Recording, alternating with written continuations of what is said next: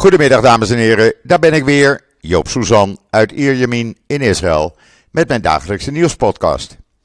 Ja, een overvolle podcast. Uh, want zo dadelijk ga ik spreken met Rob Fransman over, nou laten we maar zeggen, de rel die in Nederland is ontstaan. Doordat de Nederlandse media gingen melden dat een Joodse notaris in de Tweede Wereldoorlog Anne Frank en haar familie zou hebben verraden. Uh, dat is niet waar. Maar daar komen we, komen we zo meteen op terug als ik uh, Rob Fransman in, aan de lijn heb. Laat ik eerst even beginnen met het weer. Want uh, ja, het was vanmorgen maar 3 graden in Ierjamin.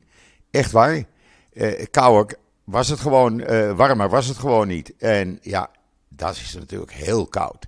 Ook de avonden zijn koud, je ziet weinig mensen buiten. Maar nu op dit moment blauwe lucht, zonnetje zo'n 15, 16 graden. Het is prima uit te houden. Alleen vanavond begint de regen die tot woensdagavond, woensdagnacht doorgaat.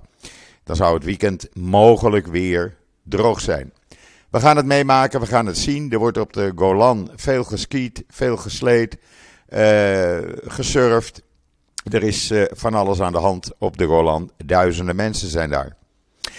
Uh, dan eerst even over COVID. Want er zijn geen cijfers bekendgemaakt sinds zondagavond.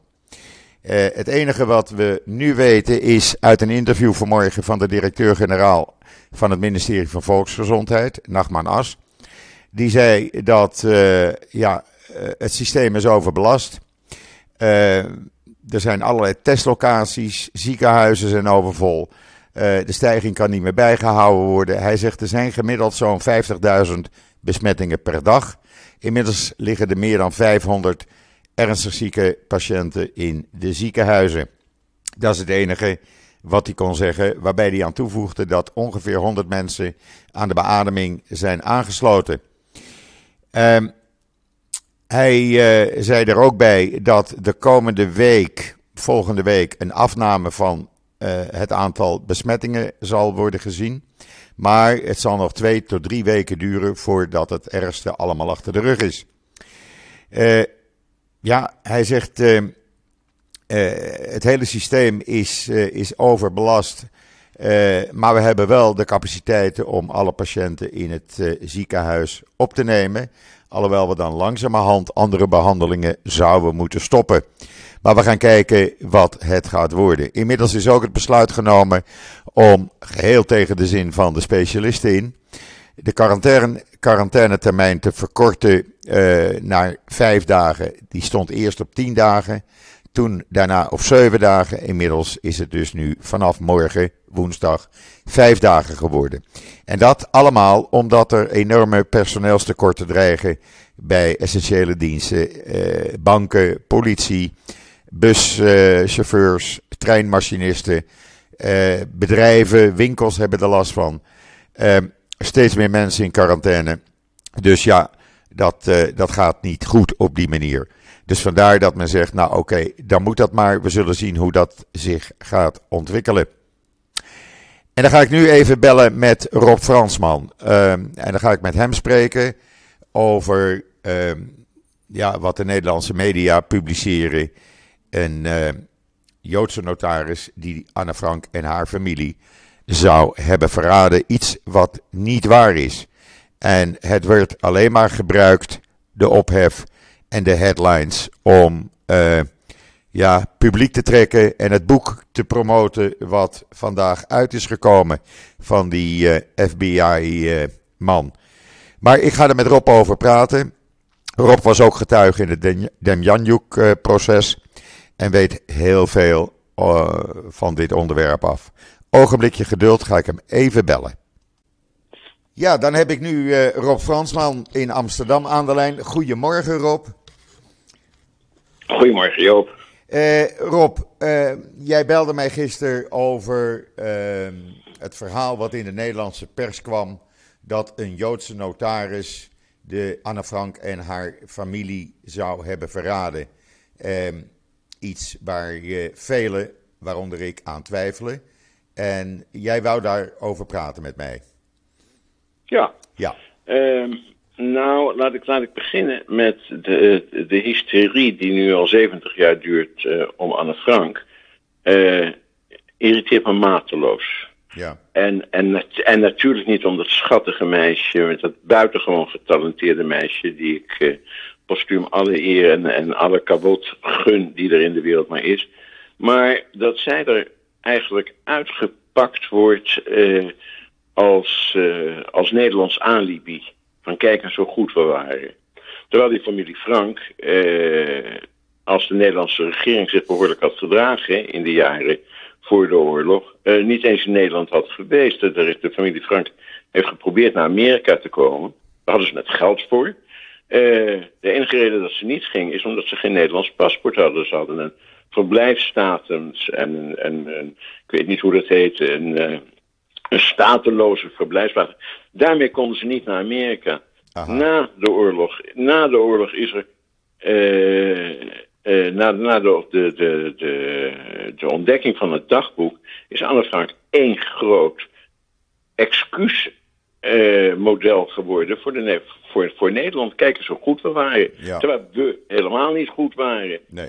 En uh, dus, dat, dus, dus op zichzelf, al die aandacht die er nu wordt besteed aan de familie Frank, irriteert me altijd. Ja. Zoals me ook de rijen voor het Anne Frankhuis. En, en ik fiets daar nog wel eens voorbij. En dan zie ik al die schapen daar voor de deur staan. En dan zeg ik, kijk eens, hier is een overlevende. Ja. Uh, praat maar met me. Hè? Maar dat doen ze niet. Ze gaan naar dat stomme huis en, en, en uh, volledig politiek ge, geïndoctrineerd. Ja.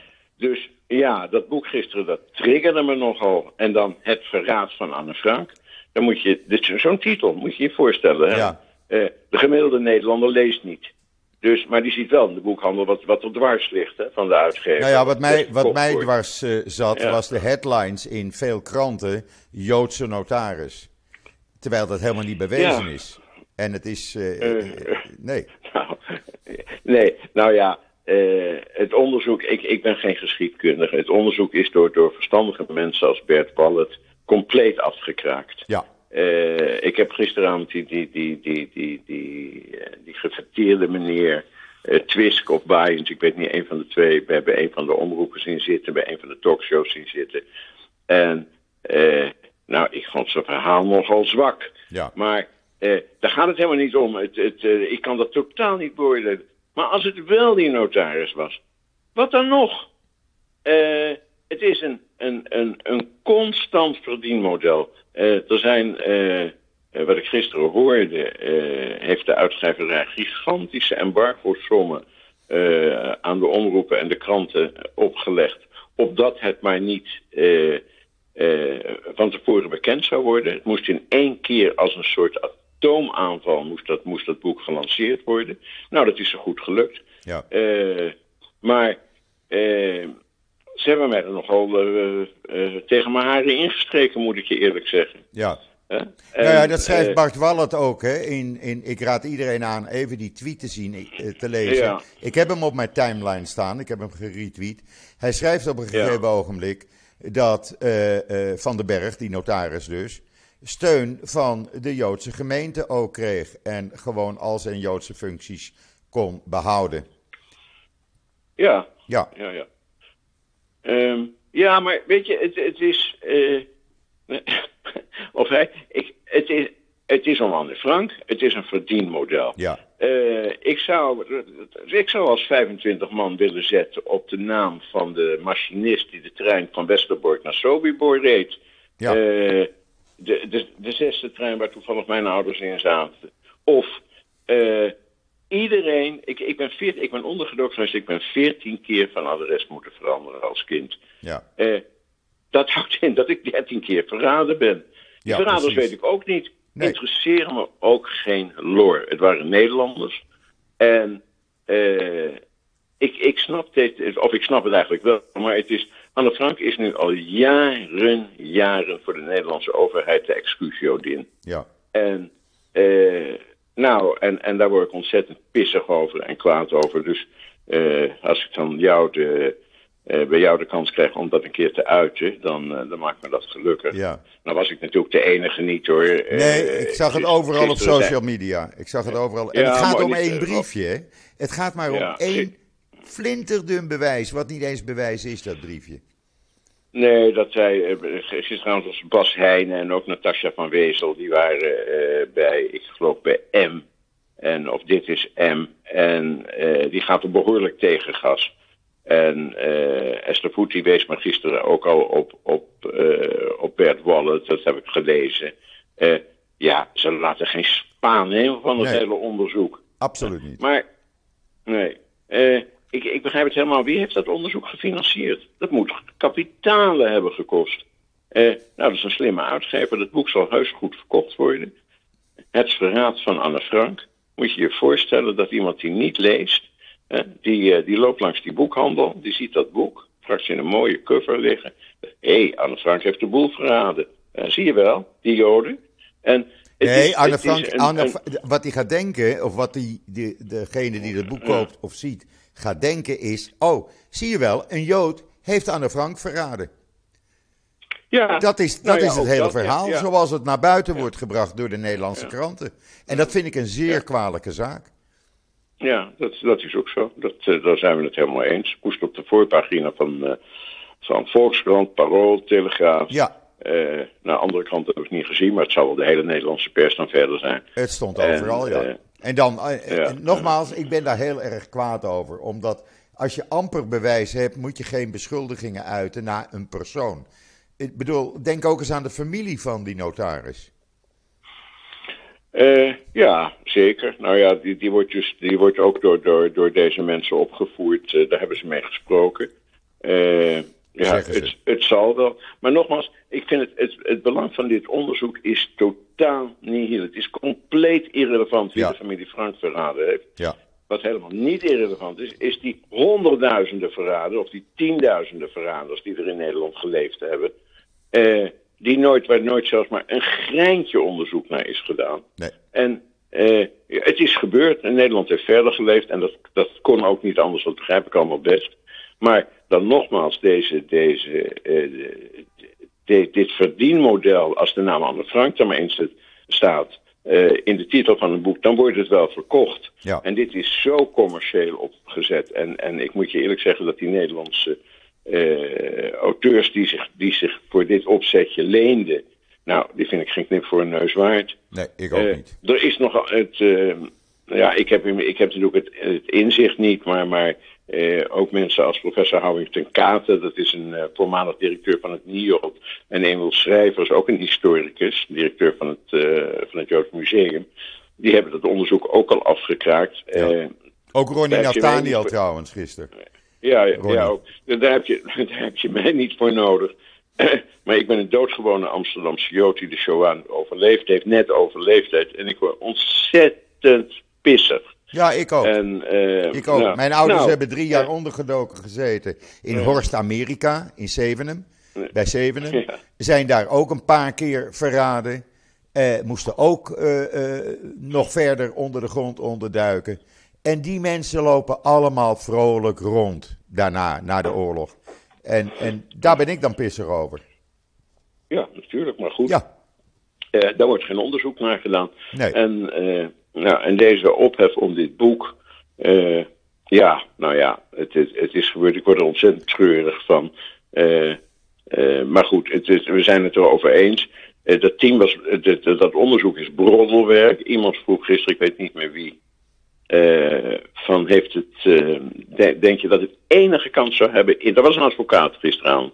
eh, dat het enige kans zou hebben bij, bij, bij een rechtszaak, bij een postume rechtszaak.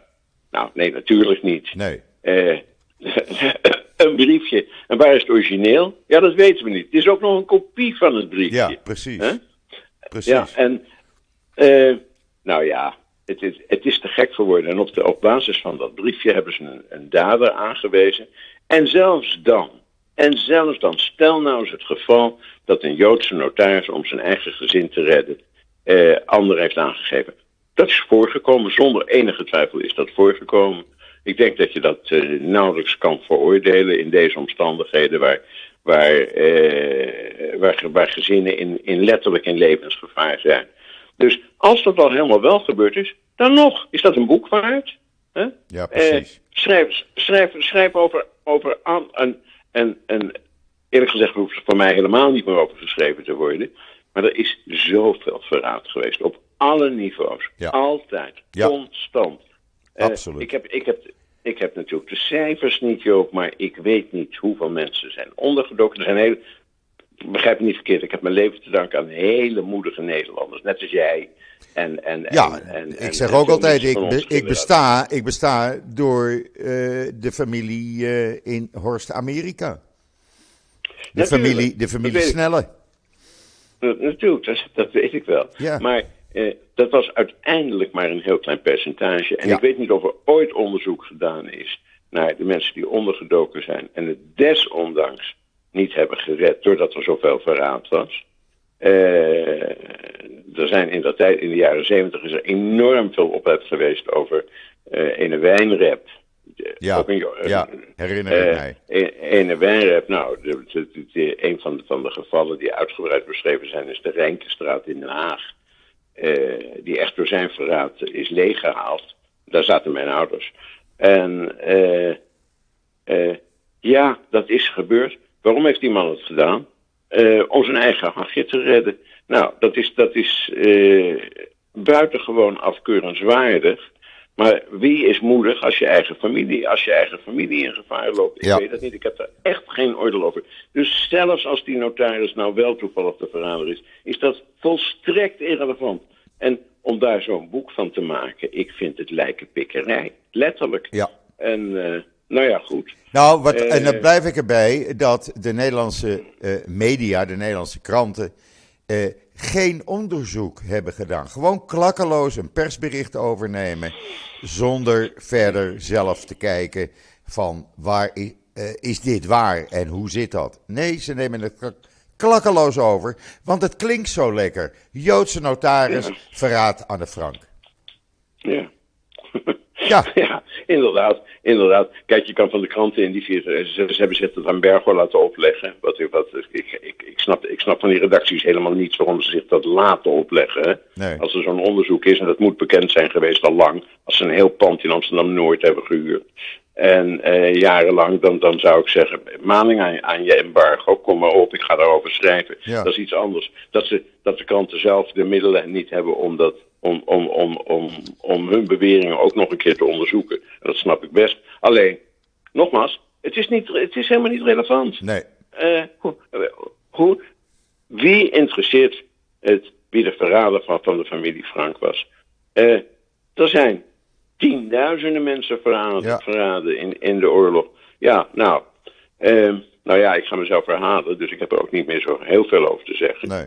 En eh, behalve dat ik, ja, eh, het boek zal heus goed verk- eh, verkopen hoor. Het is, eh, maar het is een cold case. Ik weet het niet. Ik heb het dus, ik las toevallig hè, wat over cold cases. Er zijn geloof ik alleen al in Nederland, ik weet het niet, 50 of 60 moorden in de in naoorlogse moorden nooit opgelost. Daar heb je cold case teams voor.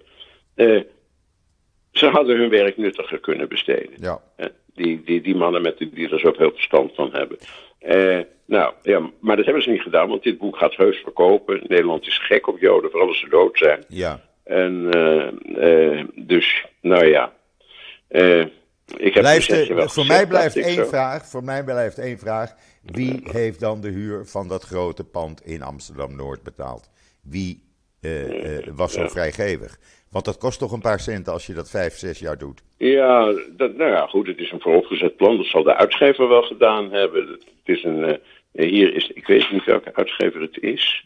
Een Amerikaanse uitgever Am-. Ambo, nee, hier in Nederland is het door Ambo, Ambo Ambos uitgegeven, maar goed in Amerika. Maar en, het, het boek is geschreven door een Rosemary, Rosemary Sullivan. Dat is een Canadese schrijfster. Er zit natuurlijk heel veel geld achter. Ja. En eh, het zal het wel opbrengen. Nou, eh, ik feliciteer ze. Maar het, het, het, is, het is dus weer geld over eh, gemaakt van, van Joods leed. en mensen die er geen sodemieter mee te maken hebben. En ja, mij irriteert dat nogal. ja, mij ook. En velen. En velen. Ja, dat wel, ja. Want Kijk, en dan las ik in het parool gisteravond dan ook nog een keer... eh, eh, om, om, om, om er nog even wat bovenop te zetten... dat, dat in het parool krijgt de Joodse aardsantisemiet Hamburger...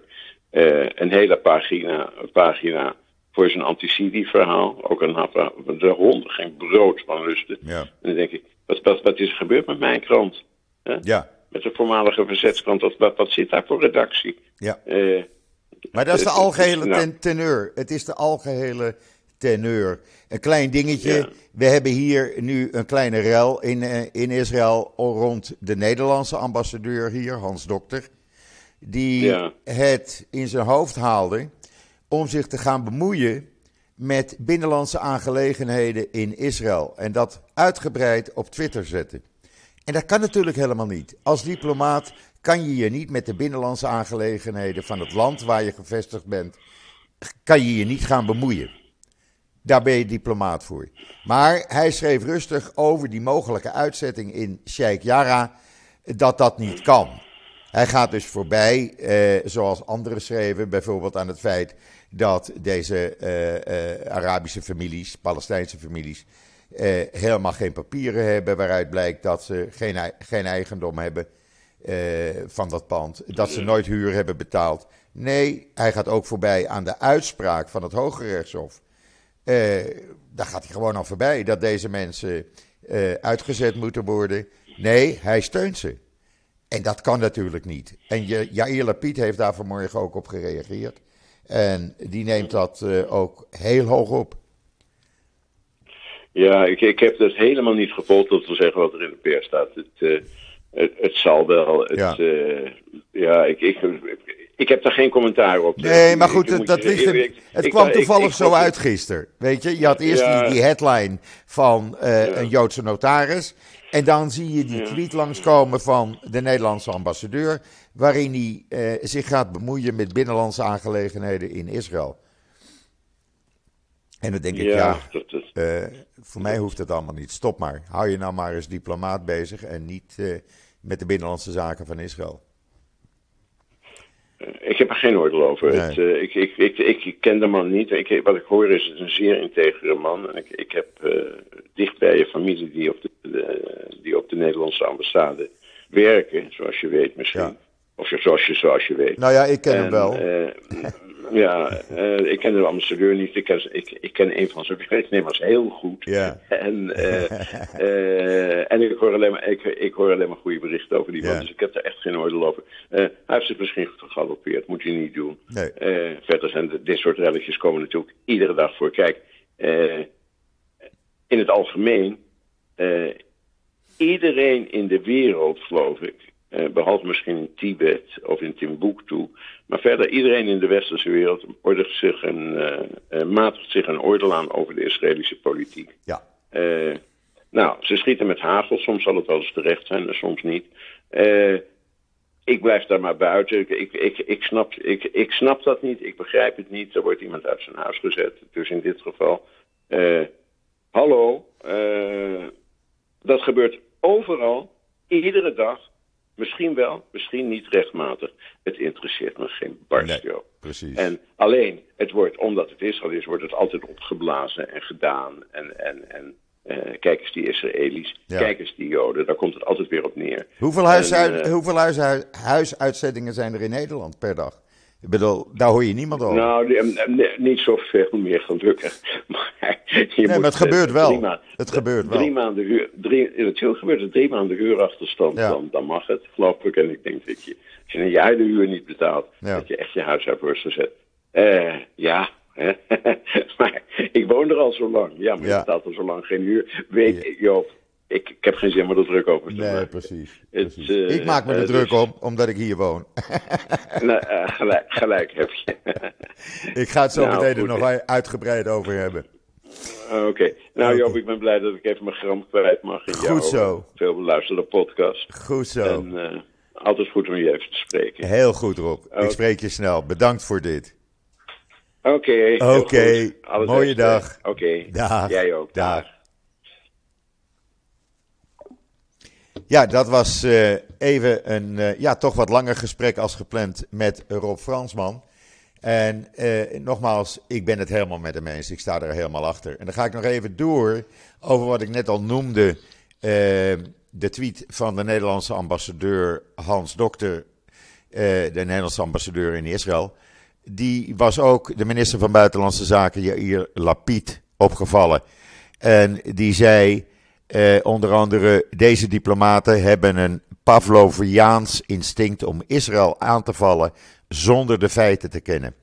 De ambassadeurs die Israël vandaag aanvallen, zijn in een oorlog in plaats van de bewoners te beschermen. Beschermen ze criminelen.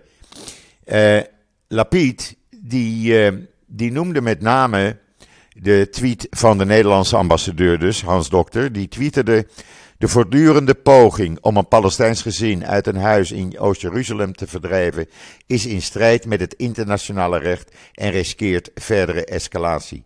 Hij, ga, hij riep de Israëlische autoriteiten op om de uitzetting onmiddellijk te stoppen. Nou, er is nog geen uitzetting plaatsgevonden. Maar, ten eerste, wat ik net ook al zei, als diplomaat eh, ga je je niet bemoeien met binnenlandse aangelegenheden in het land waar je gestationeerd bent. Ten tweede gaat de Nederlandse ambassadeur totaal voorbij aan het feit dat er rechtszaken zijn geweest. Dat de zaak uiteindelijk voor het, voor het Hoge Rechtshof is geweest. En uh, de Israëlische staat in het gelijk is gesteld.